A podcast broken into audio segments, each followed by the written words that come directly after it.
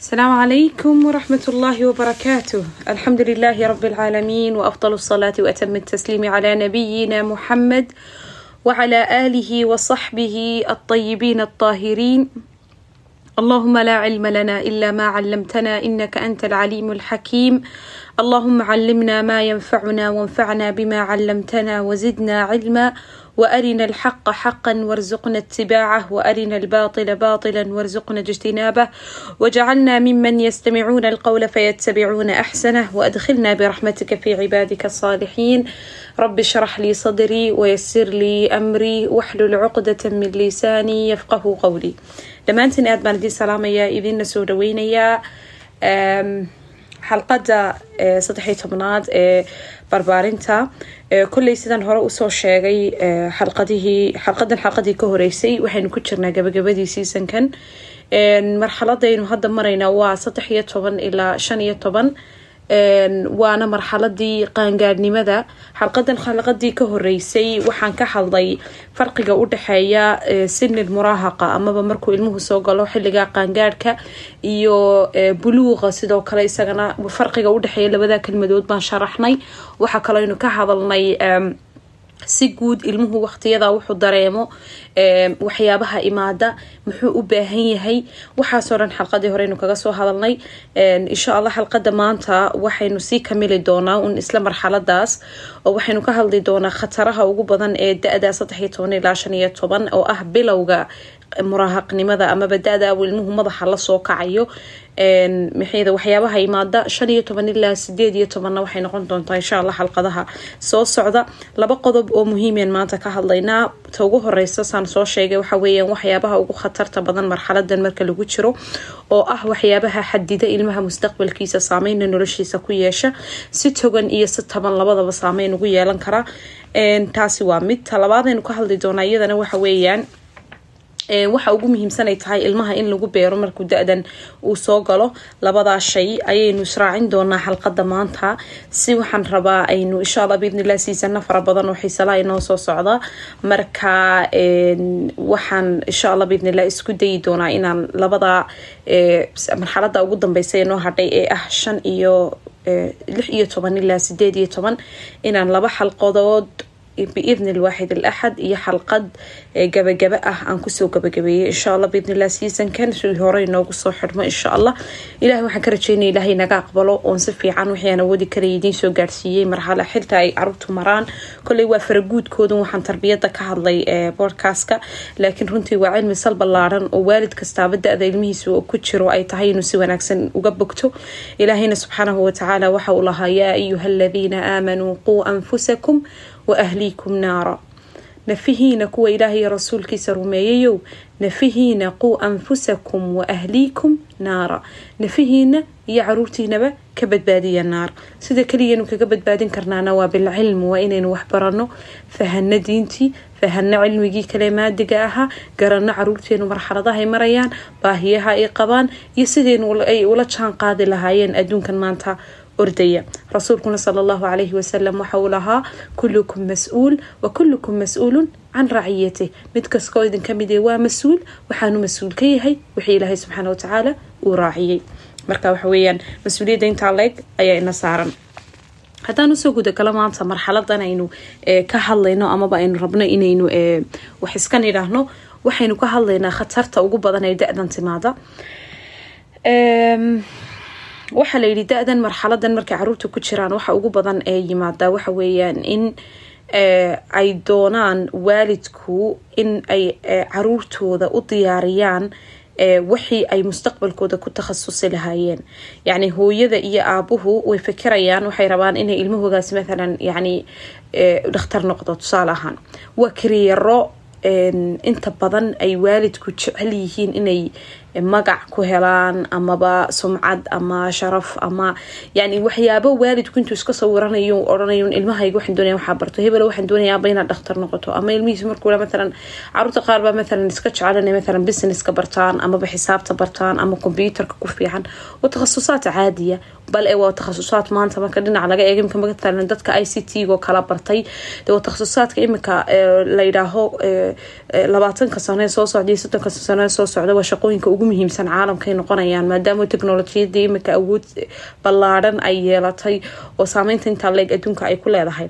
Marka waxaweyaan kariyaradaas oo kale in ilmihii waalidkii ku dadaalaan inay iyagu rabaan waxay doonayaan ilmihii ay ku khasbaan laakiin aanay siinin ilmihii fursadii isagu ku dooran lahaa waxa uu jecel yahay. Sidoo kalena aanay eegeynin mawaahibta amaba waxyaabaha uu ilmahan ilaahay subxana watacaala hibe u siiyey. Yani hibadii ilmaha inaanay u fiirsanaynin kadibna aanay ku dhiirigelinaynin wixii uu jecel yahay amaba aanay ku korinaynin waxaa la tarbiyada saxda ay waxa weeyaan inay waalidku eegaan ilmuhu wuxuu hibe u leeyahay kadibna ay hibadiisa ku koriyaan una diyaariyaan inuu noqon lahaa mashruucii noloshiisa. Haddaanu ahayn wax ka soo horjeedsanaya diinta islaamka laa bas inuu inuu inuu noqdo yani inaad ku dhiirigeliso hadduu yahay wax wanaagsan oo noloshiisa yani wax u taraya amaba wax ku qabsan karo. Ibnulqayim ilaahay subxaana watacaala raaliha ka noqdo hana u naxariisto jannooyinkiisana ilaahay hanagula kulmi iyo toddoba boqol oo sano ka hor ayaa wuxuu yidhi waa toddoba boqol oo sano eeg. Toddoba boqol oo sano ka hor baa waxa uu qoray.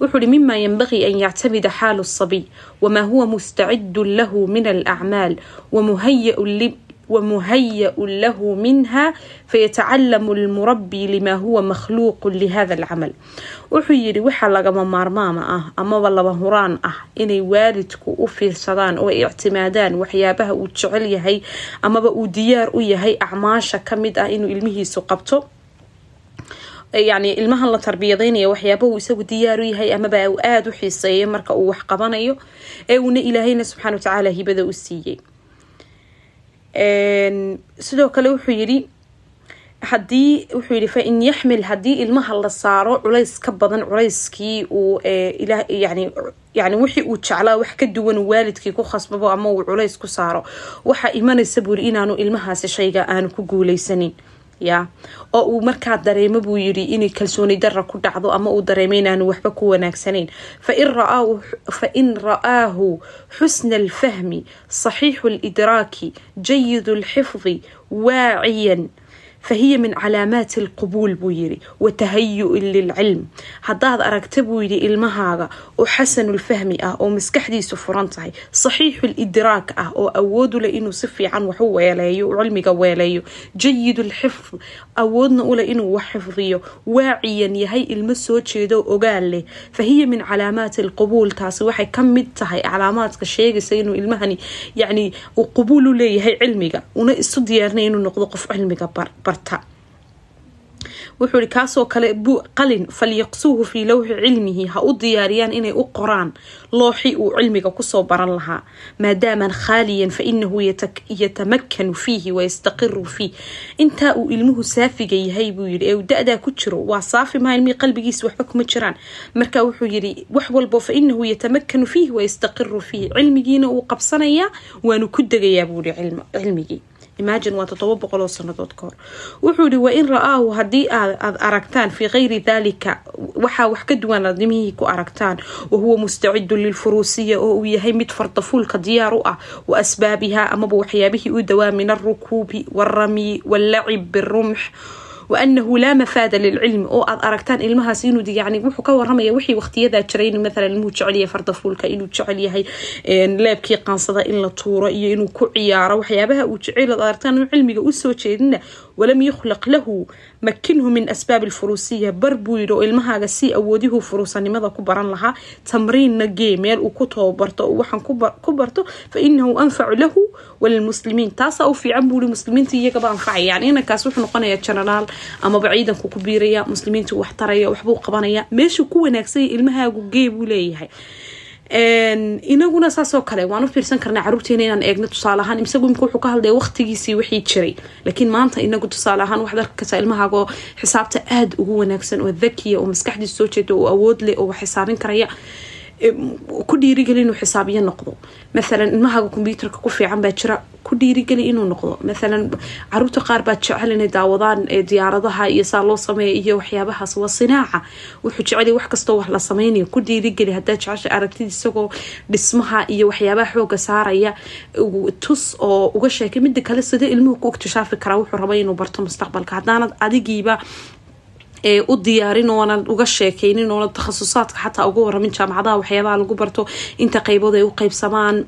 Waajib baad uga dhigi kartaa carruurta imka joogta mobilay wada haystaan ay baadhay haystaan. Awood baan u leenay in carruurta ka dalbanina ku tiraadin bal takhasuska isoo baadh yani handasadoo kale intaasoo qayba u kala baxdaa soo maaha engineerinka ayaa ladhaha handasada marka waxaweyaan intaasoo qaybood bay u kala baxdaa. Waa handasa mekanikiya jirta waxaa jirta handasad batrol waxaa jirta handasad ilkahrabaa boqol nooc baa jira oo kamida engineerinka waad u diri kartaa. Hadaad aragti inuu ku fiican waxyaaba ama aada u xiiseynayo designada guryaha iyo qaabkay u dhisayna waxaad aragti inuu aada ugu wanaagsan u dir. Hadaad aragti inuu ictga aada ugu fiican yahay buxuuthaadka ka sameeya waxyaabihii ugu dambeeyay loosoo sameeyey barmajada xataa qaabka loo sameeyo programminka iyo saa wax loo design gareeya iyo waxaa hadaad uu jecel yahay. Bar youtubeyo noocaasa ku xidh ha daawado hadhitood waad arki doontaa. Si fiican buu u garan doonaa wuxuu rabo inuu barto waxaa sii socda hadalkii sheekhaan sii dhamaystiray inta ugu dambeysa wuxuu yihi wain ra'aahu gayra dalika wacaynuhu maftuuxan lisancatin min asunac qaabilhu litacalumiha haddii aad aragta buuri ilmo sanco kamida sancooyinka wax lagu qabsaday yani isaga wuxuu ka hadlay maalan nijaarnimada amaba shaqooyinkan gacanta wax lagu qabta hadduu aada u jeceliy wax kamida uu jecelyahina oo mubaax tahay diintu banaysa buuri bar muslimiinta u baahan buuri oo ummadda u baahan isaguna noloshiisu wax ku qabsan meelna uu ku gaadhi. Waxa ugu muhiimsan buu yidhi wuxuu yihi alxad aladnaa min cilmi diini waa inuu ilmuhu haysta waxa ugu muhiimsan waxa weyaan in cilmiga intiisa ugu muhiimsan ee u baahanya noloshiisa alxad aladnaa yani waxaa laga wadaa inta ugu yar inuu ilmuhu diintiisa ka yaqaano ayaa muhiima buu yidhi. Inta kalena muslimiinta wixii uu ku anfacayo ee isaguna wax kala soo baxayo quuta daruurigiisa ha qabsado. Hadalkaasi waa toddoba boqol oo sanadood kahor buu yihi sheekhaasi. Takhayal waxa weeyaan halkan mas'uuliyadeen waa maxay?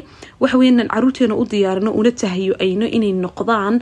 Qaar waxa iyagu rabaan inay bartaan aynu inagu u noqono dad ku taageera laakiin wadadii tusa. Yani takhasusaadkii bar u sheeg halkuu ka geli lahaa siduu u baari lahaa wuxuu isagu jeceli ka dhageyso maxaa jecesha inaad mustaqbalka noqoto? Maxaad u rabtaa? Waayo maxaad ka xiisaysaa takhasuskan inaad su'aalo noocaas weydiisaa yaama imisaynu garanaynaa dad iminka inagana lamida oo yani dad waaweyna oo maanta takhasusaad aanay jeclayn iska galay amaba waalidkooda ku raaligelinayay kadib ku fashilmay ka qoomamooday. Way buuxaan. Malaayiin weeyaan. Ma fahamtay marka waxaw sida kaliyeena ku ogaan karna ilmihii inaad wax weydiiso inaad u fiirfiirsato markuu meelaha joogo waxyaabuu isha ku hayo si aad mustaqbal qurux badan ugu diyaariso mid kalena waxaan doonaya inaan ku daro waxyaabahan waalidkeenu ku dadaalaan waxaa ka mid a waxaynu rabnaa caruurteenu inay cilmi yeeshaan oo ay ganacsiga wax ka yaqaanaan riyaadada iyo sportka wax badan ka yaqaanaan. Inay meel walba waxaad doonaysaa ilmaha uu diintii berfect ku noqdo oo halkan berfect ilmuhu wada berfect ma noqonayo. Ilaahay hadduu toban caruura ku siiyey hadduu toddoba caruura ku siiyey hadduu shan caruura ku siiyey hadduu saddex ku siiyey ilaahay wixii ku siiyaba ilmahani hal shay unbuu awoodi karayaa. Waxa kalena wuxuunbuu ka baran karayaa. Ma jiro qof adduunyada wax kasta bartaa. Marka filashadan ah inay caruurtu wax kasta noqon karayaan aynu iska dayno. Ilmahan haddaad wax wanaagsan ku aragto kalena wax ka sii wanaagsan baad ku arkaysaa. Mid walbaba waxa muhiima inay meel uu u gaaro isagu ku soo baxo iyo iftiinkiisa uu ku soo baxo inaynu siino oo aynaan carruurta ka wada sugin inay wada noqdaan wada perfect ya marka waxa weeyaan wax meel walba madaxa uu gelina ingiriisi baro halkan ka dhaqaaq meeshan gal kan samee private hebel gal xisaabta baro wax kasta inaad ku wanaagsanaataan doonaya ma noqonayso no no no no. Kolba wixii ku fiican yagee waxyaabaha kalena alxad al adnaa siduu sheekhu sheegaya waxa ugu yar ee noloshiisa ka soo qaabilaya waxa ka barto. Tamaam? Adiga mas'uuliyadaada waxa weyaan inaad nolosha u diyaariso. Maaha inaad noloshii o dhan gacanta ka geliso. La waxaad baraysaa ood siinaysaa un furihii uu nolosha ka geli lahaa. Almiftaax albaabka miftaaxii uu ku furi lahaa nolosha unbaad u dhiibaysaa. Wixii intaa ka dambeya isagaa mas'uuliyadda laftiisa noloshiisa qaadaya ya maaha inaynu qof dhowr iyo labaatan jira la yidhaaho halkan mar waxaan maxaad u sameyn weyday waxaan maxaad la waqtigaas intaad halkaa ka istaagto ayaa ilmaha la daawadaa waa la eegaa fursad baa la siiya. Gidaar kasta ha ka soo go inanku ha shaqaysto ha xamaasho. Dugsi sare maalintu sidaa u soo galo. Inanka waa inaad bartid inuu isagoo isku tiirsanaan karo. Soo shaqayso xamaalo waa in la dhibaa waa inay bartaan noloshu ahmiyada leedahay. Ilmuhu haddii la koolkooliyo uuno walalaawa ilmihii uu yaryahay dad intaa labayo labaatan sanadood iyo koob iyo labaatan sanadood guryo lagu hayo. Marka jaamacad dhameeyana la yidhaa dee oradoo shaqo tag. Ma daqaaqdid halkuu shaqo tagaya adiga labaiyo labaatan sanadood hayee. We have to way inaan carruurta yani aan u diyaarinaa inay intay yaryar yihiin ay bilaabaanna waxun qabtaan si ay nolosha ugu sii furfurmaan marka inagu muhiimadeenu ina iftaaxa siina hadhi tole isagoo wuxuu doonaya ha barto laakiin inta adiga uu kula joogo ee uu korayo uun maskaxdiisa uga faa-iidee kutubtan aadka idinku rekomend garaynaya mawduucan aadka uga hadla waxaa ka mid a kitaabka uu qoray doctor ismaaciil cabdilkaafi doctoorka layidhaaho waxaa layidhahaa mawsuucat numuw wa tarbiyat طفl baa layidhahaa waa mawsuucadan yani maha kitaab. Waa mawsuucadan yani mawsuuca marka la sheegayo waa intaasoo kitaab oo kala duduwana mujaladaad ah. Marka waxa weeyaan kitaabkaasaan aada runteedi kula talin lahaa. Waxyaabahan markaan akhrinay aadka uga helay waxaa ka mid ahaa wuxuu sheegay inay dakaagu amaba maskax badnida waxa loo yaqaano. Ilmahaas waa daki marka lagu leeyahy ilmahaasi yani waa intelligent maskaxdiisu waa fit weeyaan. Wuxuu yiri dakaagu wuxuu u kala baxaa intaasoo qaybad malaha taqriiban sideed nooc oo kamida dakaagu ayuu kitaabka ku sheegay. Intaanan ka gudbin halkan waxaa rabaa adhakaa waxaa laga wada inaan sharaxo dhakaa waxaa laga wadaa waa alqudra waa awooda uu qofku u leeyahay inuu si deg dega uga jawaabo mawaaqifta kala duwan ee soo maraysa amaba uu si fiican u fahmo mawaaqifta kala duwan ee noloshiisa soo maraysa ilaahayna subxaanahu watacaala qof walbaba waxaa layidhi waxaa lagu karaameeyey mid in ka badan hal shay oo dakaaga ka mid ah noocyada dakaagan soo sheegi doona imika ayuu ilaahay subxana watacaala qof walbaba ku karaameeyey laakiin sideynu ku garan karnaa qofka lagu leeyahy hebel waa maskax badan yahy wax kale maahay qofkan wixii uu ilaahay dhexdiisa ku beeray uunbuu fahmay siduu isticmaali kari lahaa amaba waxaa helay waalid tawjiihiyey oo fahamsiiyey Eh, sidii uu maxay heeday u istifmaari lahaa amaba u investment garayn lahaa wixii wanaagsanaa ilaahay ku beeray una furay caqligiisa. Marka waxaynu u baahannahay inaynu isku fiirsano eegno halkaynu ku wanaagsannahay si aynu uga faa-iideysano okay ta koowaad wax weeyaan sideed weeyaan waan tirin doonaa sideed shay dakaaga ilaahay subxana watacaala bini aadamka uu ku abuuray amaba inaan maskax badnida. Waxaa jira dad ilaahay siiya adhakaa illugawi dad awood u leh inay luuqado kala duwan bartaan amaba si fudud ku barta kelmadaha cusub ee luuqadaha kale kuna xifdiya. Laba ka dakaaga labaad waxaa ladhahaa almantiq ariyaadi waa qofka jecel riyaadada amaba se xisaabinta inuu xisaabiyo degdeg wax iskugu geynayaa raqamada aad buu u qabtaa. Waa dad ilaahay subxana watacaala maskaxdooda u furay alarqaam raqamada. Adhakaa ilxaraki mid layidhaha baa jira. Waa dad waxaa jir jira dad miyaydaan arag fudfudud oo hore u dhaqdhaqaaqa oo shaqo kasta soo qabanayo oo dadku jecel yihiin siduu nashid u yahay. Waa qof jirkiisa saaca shaqeynaya qofkaas wuxuu ku wanaagsan shaqooyinka yani xarakigaaba ku fiican yihiin dadkuna aad ba u jecelyihin marka saaxooyinka shaqada la joogo. Marka adhakaa ilxaraki baa layidhahaa ta kalena waxa weya adhakaa ilijtimaaci waxweya qof social ah. Ummadda si gud fudud ku baran kara weji furan dadku ka helaan. Yani qof kastuu siraa baro si fudud buu ku baran karaya. Marka taas wax badan bay u fududeynaysaa noloshiisa. Adhakaa ilijtimaaci dad labaa jira waana wax la baran karo runtii taasi. Adhakaa idhaati baa jira waxaa jira dad ilaahay subxana watacaala awood ugu furay inay wax badan ku fiirsa dhaygagaan yani aada wax ugu fiirfiirsadaan wax akhriyaan wax qoraan maxayday si fiican u fikiraan adhakaa idhaati baa layidhaahaa waa yani waa nooc ka mid a dakaagaan leeyahay fa axib saraxatan. Inaad inaad iktishaaftaana runtii waxay u baahan tahay inaad adigu is si fiican u eegto waxyaabaad ku fiican tahay. Dadkaas waxaa layidhi waxay aada uga helaan inay meelo degan joogaan wax badan akhriyaan kadibna waxay akhriyeen dib u eegaan tadwiiniyaan ka fikiraan siday u eegi lahaayeen siday u dabiqi lahaayeen. Marka waa min nooc min adhaka adhakaa idhaati baa laydhaha kaas. Yani waa dakaaga shakhsiga qofka bini aadamkaas yani uu aadka uga faa-iideysan karo wax badan uu furfuri karaa waxaa jira dad iyaguna le adhakaa ilmusiiqi wax layidhaaho waa dakaaga dadka jecel aswaadka. Waa dadka aadka u kala saaro codadku siday u kala duwan yihiin say u kala macaan yihiin hore u xifdiya qasaaidka xataa qur'aanka codkooga uu ku macaan yahay. Waxyaabahaas waxaa ladhaha marka adhakaa almusiiqi waxaa jira dad layidhaaho dad lebaa jira adhakaa ilbasari. Dad jecel inay wax sawiraan. Miyadan arag dad ku raaxaysta inay wax sawiraan oo si qurux badan buu sawirka yani waxaan ka hadlaya mobilka oo kale maalan amaba caadi marka wax loo sawirayo. Dad baa jira aada yani si qurux badan oo diyaabaysa say wax u sawirayaan waqti u gelinayaan u soo dhadhaweynayaan. Waxaan ku xasuustaa nin markan sanadkan sannadkii ka horeeyay bay ahayd baan labada kun iyo labaiyo labaatankii baan bishiisii saddexaad tegay cumrada. Markaasaa waxaa nala socday markaa rixlada rixlad baan ku baxnay.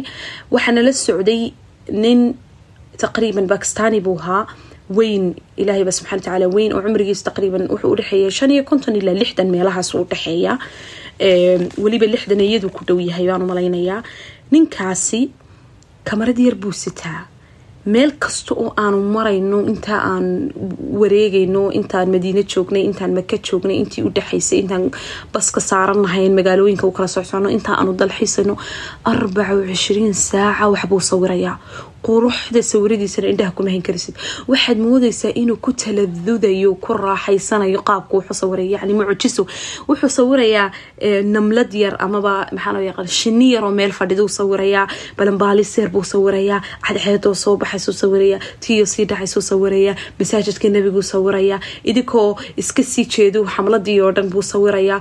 Basku dhex sawiri jiray qof walba sawiro gaaruu ka qaaday muxaadaraadka la qabanaya wuu duubi jiray. Yacni subxaan allah waxaana noqon ninkani samir iyo dulqaad badana intuu waxaan sawirayo maantao dhan qaadayo. Ya marka yani subxaan allah markaan dakaa basari arkayba ninkaasa igu soo dhacay. Marka waa dadka aadka u jecelina wax sawiraan hibada uleh weeyaan. Adhakaa ilxayawi baa jira mid layidhaaho dad aada u jecel environmentka iyo bii-ada iyo daqsiga uun mar walba ka sheekeeya. Alla waa roobbaa soo socda waa sidan dhirta jecel. Dadkaasoo kale waxay ku fiican beeraha iyo waxyaabaha bartaan iyo xayawaanaadka amaba yani dhakhtarka dhakhtar soo ma jiro tibi lbaytari waxaan la yidhaaho. Maxaa lagu dhaaf soomaali? Yani dhakhtarkan xayawaanaadka daweeya dadkaasoo kale daka ilxayawi bay leeyihiin. Markaa imika marka saa u eegtid sideedaa shay akiid markaa dhegeysanaysay mid kamida laba kamida saddex kamida waad leedahay. Marka waxa weeyaan caruurteenna waa saasoo kale un way leeyihiin laakiin waynaan u fiirsanin. Aynu u fiirsano saynu u iktishaafno caruurteena waxay ku wanaagsan yihiin inantaada inankaaga dhageyso kana shaqe eegna dakaaga noocay leeyihiin kadibna u sheeg waxaad ku tira hooye waxaan dareemayaa inaad waxaa ku wanaagsan tahay ma igu raacsan tahay oo kula ee kula tahay inaad waxyaabaha aada u jeceshay. Saasoo kale waad weydiin kartaa si aad isagana albaab ugu furtood u fahamsiiso waxa uu ku fiican yahay. Taasina waa taas. Hadda waxaan u gelaynaa markaa haddii allah raxmaan yiraaho marxaladii ugu dambeysay da-dan saddex iyo toban ilaa shan iyo toban maxay ugu muhiimsanaya caruurtaasi u baahan yihiin in lagu beero? Ya. Waxaa la yidhi da-dan waxa ugu baahida badan ay qabaan ficliyan ficliyan anigaa arkay oo shaqadan iskuulkan ku arkaa carruurta waxaan ku arkaa carruur yani da-dan walaalahibaa ayaa da-dan ku jira marka ficlan ficlan tafriq yani waa wax dhab ah. Inay waxa ugu badan ay caruurtu da-dan u baahanyihin ay tahay alrasaa'il alijaabiya. In caruurtaas messages fara badan oo wanaagsan oo positive ah gudahooga lagu beero. Ya muhiim jiddan weeyaan. Dhiirigelin maxay heday dhegeysi inaad u sheegto in waxaa la ydhahaa waxaan oo kale waa ibra taxta aljild waa irbad aad ma garanaysa iskiinka hoostiisa ku mudaysidoo kale. Ayaa la ydhaha nadariyat alkhars in ilmaha wax lagu beero oo la dhiirigeliya waa sidii ilmo irbad intaad qaadatay. Aad irbada marka iskiinka hoostiisa aadeyso de irbada marka laynagu mudayo iskiinka saa looma geliyo xididka lagama raaciyo. Waa saasoo kale waxaa loo baahanyay markaad rabto inaad ilmaha messageskanad ku beerayso meel baad u socotaa marka meel buu gaarayaa shaygani baa la leeyahay waxaa la yidhaahaa marka laga sheekeynaya bishakli caam wax qancinta ida aradta an tajcala imra'an yaqtanicu biamrin famaa calayka ila an tukarir haddaad doonaysa qof inaad wax ku qanciso wax kale uma baahnid ilaa inaad shaygaa qofka ku celceliso maahane. Yaa oo aada iclaamka mariso yani maalan ummad haddii la doonaya in la baabiyo amaba in wax caadiya looga dhigo maxaa la sameeyaa iclaamka oo dhan baa lacag la siiyaa maxayday meel walbaa la mariyaa xaysiiska meel walba kaaga soo horbaxaya shirkadaha waxa ugu badan social mediaha la daawadaa la soo gelinaya maxaa la rabaa bil baa lagugu celinaya maalin baa lagugu celinaya hadana maalmo hadanaba isbuuc bil sanad ilaa ood ka qancayso ood aaminaysa inuu yahay waxaan wax caadiya oo abiiciya tamaam waa saasoo kale aynu rabnaa inaguna inayna caruurteena messageska aynu ku celcelinana ay noqdaan shay ay ku qancaan oo ay aaminaan oo laabtooda ku degta. Ya haddaba ilmahaagu waa rasaa'ilka aad adigu u dirto iyo waxaad u sheegta uun. Haddii aad niyad jabiso ood ku tidhaahdo ma wanaagsanid sanaa tahay waa lagaa fiican yahay doqon baa tahay waad liidataa maxay waa ibra taxta aljild waa waxaad adigu ku beerayso oo waxaweyaan irbadaas aad adigu iskiinka dhexdiisa gelisay ee sunta ah eed ilmihii kaga tagtay. Tamaam haddii aad markaad aragta ku tiraado waxaan kuu arkaya inaad tahay leader inaad qaa'id tahay ina browd baan kugu ahay waan kugu faraxsanahay. Indhahaaga waxaan ka dhex arkayaa nuurkii fahamka. Walaashaybay waxaa ku adag wax inay aada wax u fahamto. Marka mar waxaan ku dhahaa indhahaaga waxaan ka dhex arkayaa nuurkii fahamka. Inaad wax fahmayso iftiin baa kaa baxaya waad qurux badan tahay tafaasiisha inaad wejiga u fiirsato. Indhahaaga waan jeclahay siduu ilaahay u abuuray wejigaaga waan jeclahay maxay heday tafaasiisha jirkaaga iyo ilaahay subxaana watacaala se kuu khalqay waan ku kalsoonahay saaad u eeg tahay iyo waxaad qabanayso iyo wax kastood samaynayso waan kugu tiirsanaan karayaa oo yani markaa maalan shaqada guriga oo kale aad wax kaga tagtid carruurta ama qof wax aad ku tiraad qabo inaad ku tiraadid waan ogahay inaad hawshaa ka soo baxayso inaad sida ugu fiican ka soo baxayso waan ogahay bas intaa ku dhe iska tag kelmadii baa ku dhibcaysa wuxuu isku dayeen wixii sida ugu quruxda badan ee ku soo jiidanaysa ee uu ku kasbaday ku kasbanaya kelmadaada mar labaad inuu sameeyo. Waxyaabaa aadka u muhiimka hablaha in lagu yidhaaho ay tahay waxaa ka mid a inaad ku tiraahdid waad maskax badan tahay oo waad qurux badan tahay oo xishood baa kugu dayran oo waxaa tahay xaafidatu likitaab illaah yacni kitaabka ilaahay baa subxaanahu watacaala ilaahay kuu dhiibay. Haddaanu kuu dhiibin oonad weli xifdiyinna waad xifdiyaysaa. Haddaad wadana maalinunbaad gaaraysaa ood dhammaynaysaa waan kaa dhex arkayaa. Marasaailka iyo messageskaas inaad qalbigooda ku dejisid ood gaarsiisid ood qanaaco ilmihii ugaga dhigtid. Yaa. Ood siisid indibaac iyo kalsooni naftiisii inaad yani adigu inaad u noqoto muraayadu naftiisi uu ka dhex arko ood suluukiyaadkiisi iyo hadalkiisii aada wanaajiso.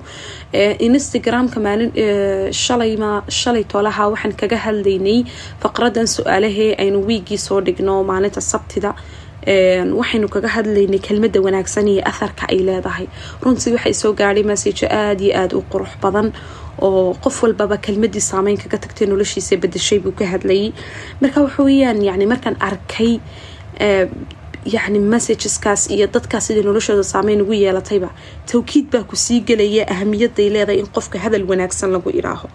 Environmentka soomaalidu waa dad runtii khaasatan khaasatan marka waqooyiga la eegayo oon anigu ku dhashay oon ku koray oon ku barbaaray waxooga hadalka adadeyg badan baa ku jira qaabka carruurta loola hadlo iyo dadka dhexdooda sida iskugu hadlaanba walow iminka dabacsanaan badani ay jirto.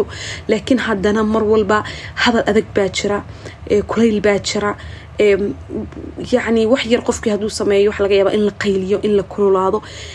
Soomaaliya o dhanna bashakli caam iyadana waa mid jirto oo waynu leenahay. In caruurtii la habaaro calaama kugu dhacday kaac waxba ma maqasho. Saasay habeenay maalin u jiiftaa. Yacni kalimaad waxa ma fahamtid imtixaankii wuu yaro hooseynaya sanaa tahay. Kanaad yani kelmado qalbigii ilmihii dilaya dilaya dilaya dilaya. Hablaha yaryari da-dan markay ku jiraan soo ihtimaamka kamaynaa sheekeynin xalqadii hore inay aadka u jecelyihiin jirkooda ihtimaamaan.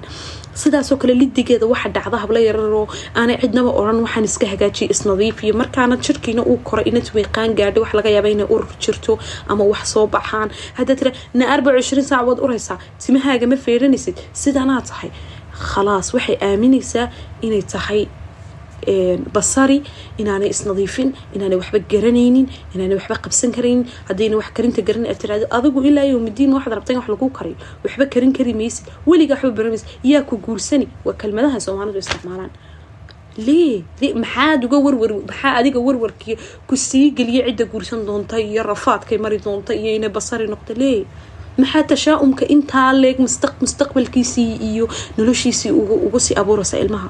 Waa khalad wallaahi. Fa we need inaan caruurteena ku dejino markay wax khaldaan ilmaha aynu ula tacaamulna inuu ilmo yahay. Yacni lisa wuu waxbuu baranayaa adiguu gacantaadii ku jira. Adigaa weli kaaga baahanya toosin tabantaabin inaad saxdid inaad hagtid buu kaaga baahan yahay.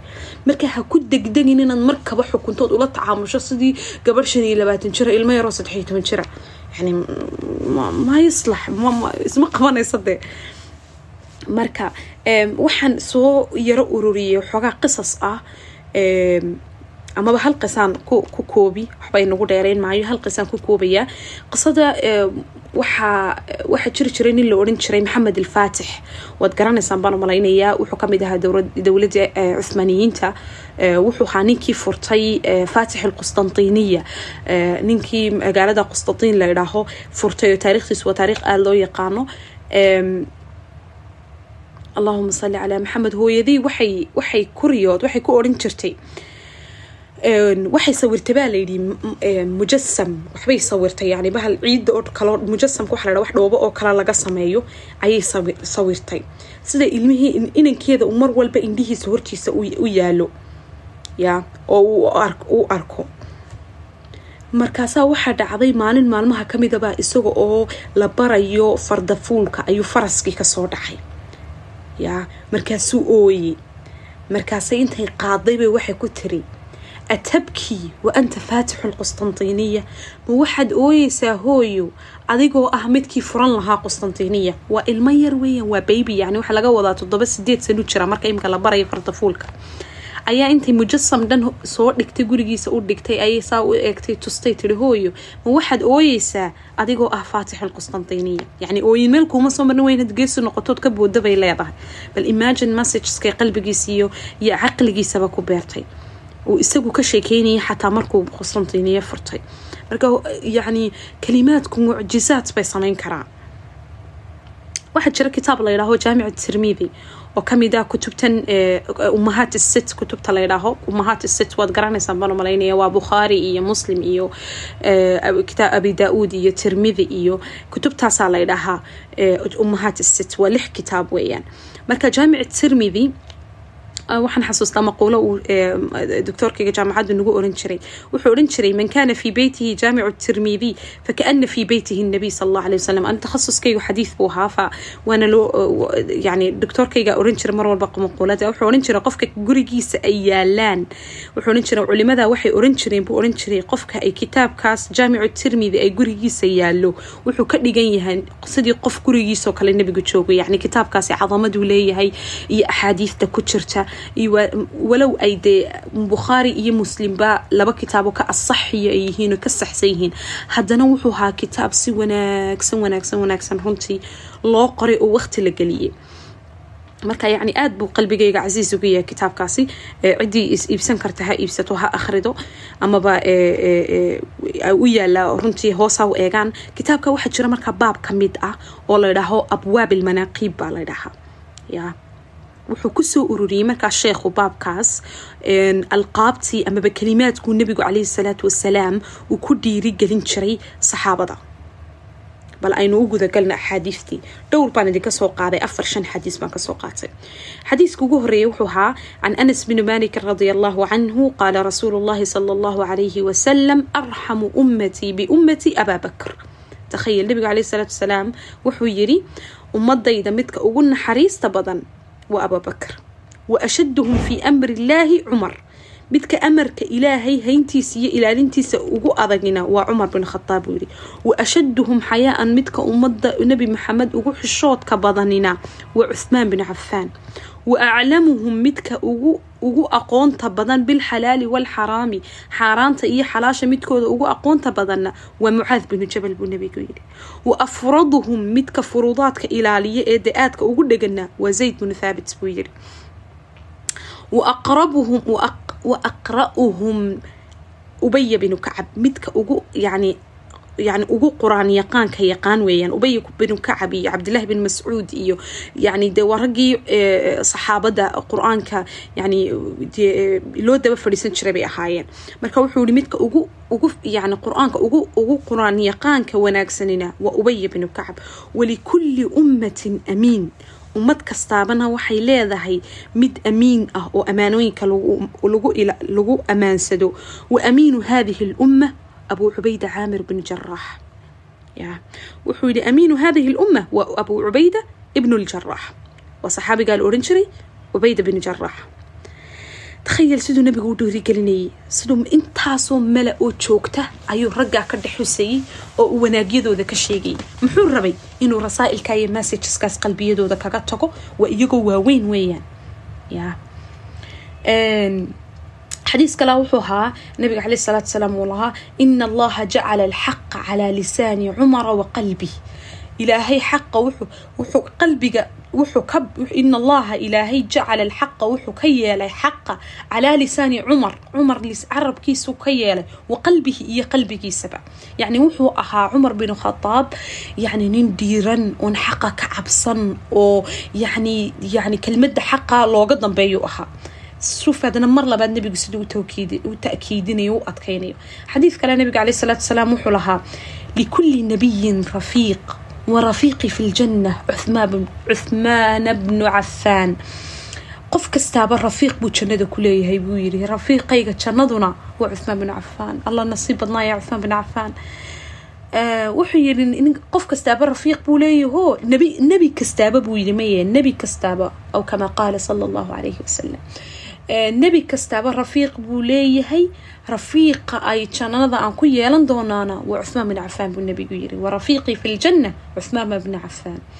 Xadiid kaluu nabiga caleyh salaatu salaam wuxuu lahaa ina aljannata latashtaaqu ilaa halaatha jannadu saddex bay u xiistaa buu yiri waa caliy wa camaar wa salmaan cali iyo camaar iyo salmaan waa camaar bin yaasir waa inankii reerkooda reer quraysheed siday u dilayeen hooyadii aabihiiba dhinteen.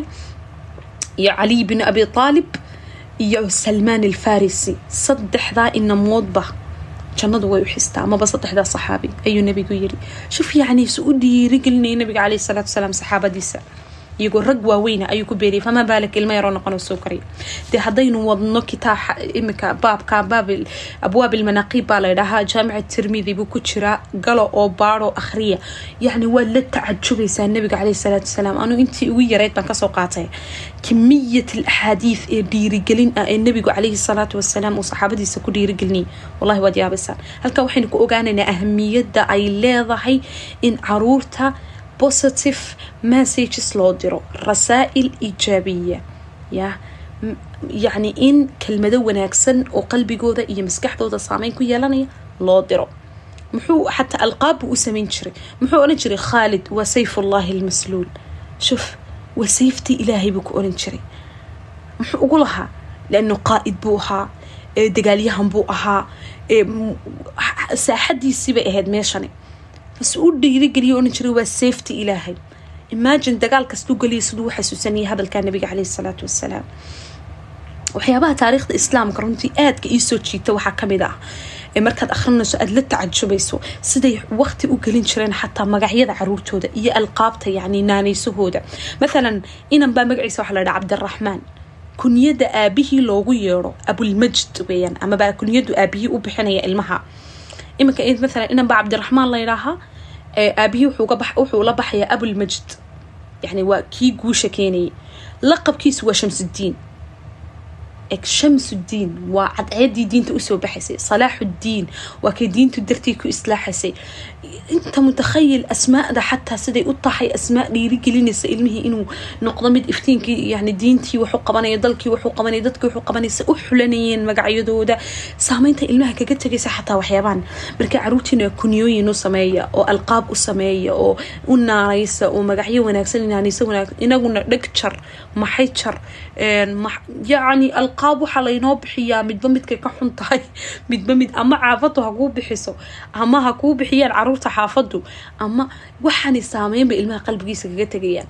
Qof baa khalqigiisii lagu caayayaa qof baa in uu leeyahay lagu caayayaa naanays looga dhigaya waxay waxaasi waa qalad ilmihii weligii waxaas wuu daba taagnaanaya waa inaad kala dadaasho hadaa xataa xaafadda waxu bixiyaan inaad ilmaha ka ogolaanad ku odhan may waxaa markaa ladhaa diid. Leanna naanaystu goormay qofka ku dhigtaa markuu isagu ogolaado. Ee uu ka xanaaqi waayo uu ka xanaaqi waayo unbay ku dhigtaa. Marka naanaysaha wanaagsan caruurtiina idinku markay yaryar yihiin ku tarbiyadeeya waxaan ku soo gabagabaynayaa dhowr massage risaalo amaba talo aan raba inaan waalidka uga tago intaad awoodi karaysaan waa ta koobaade intaad awoodi karaysaan messages wanaagsan caruurtiina ku dhiirigeliya. Hadalla wanaagsan ku dhaha. Qulubtooda kalsooni ku beera. Dhiirigeliya. Jeclaysiiya waxa ay qabanayaan. Yaa waxa ugu yara ilmahaagu uu qabto. Yacni ku ammaan. Kadaa kelmadaha ha ku odhanin kaslaan baa tahay. Waxba ma fahamtid. Ruuxi dacaaba ma lihid. Yani kama qoslin kartid dadka. Waxyaabaha noocaas oo kale ha ku odhan tamaam xataa haddaad ku aragto si wanaagsan fiican ugala tali hadday wax xun tahay haddii ay tahay wuxuu ku khilqiya ku abuuraya sida maalan qof baa iska aamusan aduu afraatagsa maxaad aamusan tahay maxaad san la tahay waa kan wuu xidhxidhan yahay waa maxaadu odhani ilaahayba dadka qaarna dad degan ka dhigay dadka qaarna dad shan nashiitiina ka dhigay marka taasoo kale iska ilaali isku day inaad ilmahaaga uga mahad celiso marka wax wanaagsan kuu qabto oo khayr ah especially markay da-dan ku jiraan kuna ammaan tamaam wax kasta oo qurux badan oo jadiidu ilmahaagu qabtana waxaad yeeshaa yani hadduu wax cusub soo sameeya ma garanaysa reaction wanaagsan ka bixiyo tus inaad waxaan proud ku tahay ood ku faraxsan tahay. Qodobka ugu dambeeya ku soo gabagabeynaya waxa iftakhir biibnik aw bibintik. Inantaada iyo inankaaga kuu doonaha noqday marka aad dad qaraabadiina dhex joogtaan ee isaguna ku maqlayo ku faan tus inaad browd ku tahay ilmahaaga wax kastoo wanaagsan. Walow wax basiidan ha noqday. Hebel waxaasuu qabtayoo waan ku faraxsanay. Waa inuu indhahaaga ka arkaa inaad ku faraxsan tahay. Inaga waaba lala xishooda inayn wanaaga caruurteena ama qofka ka hadla xataa waa laga leeya waxa lagu oranaya caruurtiisumu dadka hor wadwadaa la yani waxaa laga wadaa maaha inaad dadka ka badbadisa caruurteydu waa sidan ma khaldamaan sidan weeyaan. Lalala wax beena ilmahaagu mujaamalaha ku ammaanin laakiin waxa wanaagsan uu qabto hadduu salaada jimcaha kula soo tukado maanta waa inaad qofka ugu horeeyaad aragto isagoo kula socda maqashiisa oo tiraada hebel maanta salaad buu ila soo tukaday maasha allah! Intaasuu ka helaya isagoo qalbigiisuna ku degaya. Maqashii tashjiiciisa. Caruurta ha kala xishoonina ha odhanina. Wuu isqaadanaya haddii la ammaano la ammaan maaha tamaam waxan waa dhiirigelin waa messages aad uga tegaysad qalbigiisa iyo niyadiisa waxaan ilaahay araxmaana ka baryaynaa inuu ilaahay subxaana watacaala carruurta inoo islaaxiyo. Inuu ilaahay subxaana watacaala carruurta inoo barakeeyo inagu asturo barbaarintooda koobcintooda daryeelkooda tarbiyadooda iyo inay diintooda iyo dalkooda iyo ummadoodaba jeclaadaan.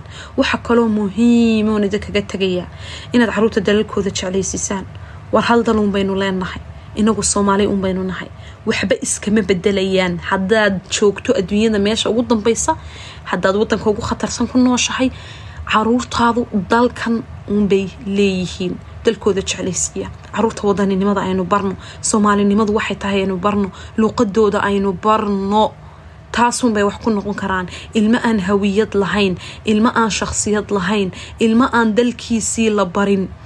Yaa waxba ma noqon karo dalkeenna aynu caruurteena jeclaysiino aynu keenno ha arkaan hadday ka maqan yihiin meel kale ku nooshihiin kuwa ku dhex noolowna yaa ha ka warhamina inayna gaaja wadankii taalee khayr iyo nimciya barwaaqaa yaalla inta carruurta dalka la jeclaysiiyo inta quluubtooda lagu weynaysiiyo unbay ku weynaadaan.